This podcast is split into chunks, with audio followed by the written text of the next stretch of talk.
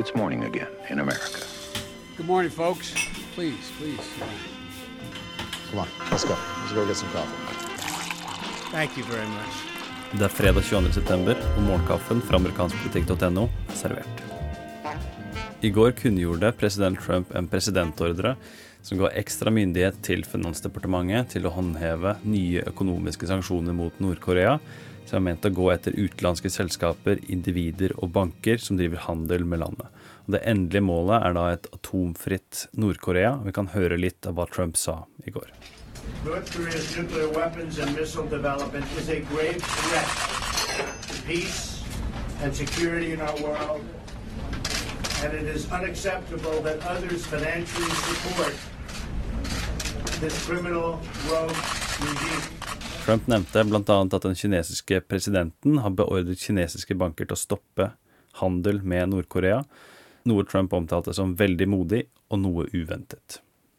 I går holdt senator Bernie Sanders fra Vermont en utenrikspolitisk tale i Fulton, Missouri. Det er da samme sted som Winston Churchill holdt sin berømte Iron Curtain-tale i mars 1946. Eh, og om ikke det her er et lite signal om at Sanders fortsatt har nasjonale ambisjoner, så vet ikke jeg. Eh, I talen så angrep han bl.a. Trump for å ha hinta om at Iran-avtalen kan skrapes. Vi skal her høre et utdrag fra Bernies tale.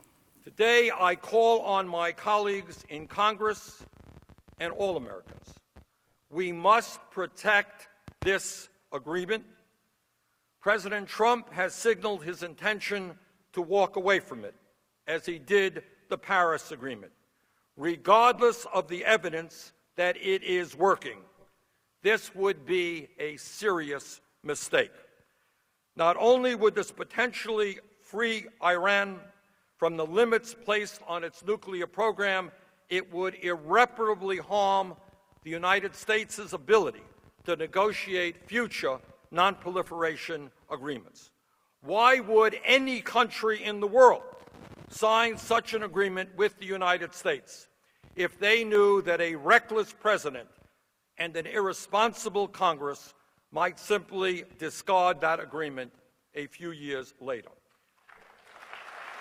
I går kom det altså to nye saker i forbindelse med denne Russland-etterforskningen. For det første så har nå Facebook gitt etter, eh, og gir da innholdet i 3000 ulike Facebook-reklamer som skal ha vært kjøpt av eh, russere for å påvirke fjorårets valgkamp. De blir da gitt til etterforskerne i Kongressen.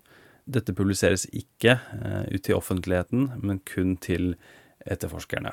Uh, og I tillegg så skal spesialetterforsker Robert Mueller ha etterspurt telefonlogg fra Air Force One uh, og korrespondanse til og fra presidenten og hans rådgivere i forbindelse med uttalelsen om hva som egentlig skjedde i Trump Tower med den russiske advokaten.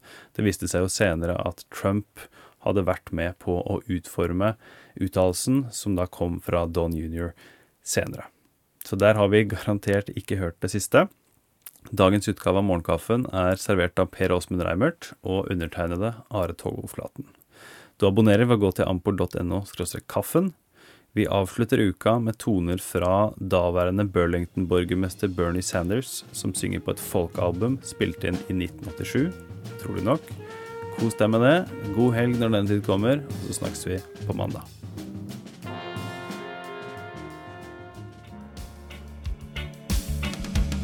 I went walking that ribbon of highway, I saw above me that endless skyway. I saw below me that golden valley, and that on this earth there will be peace there will be justice.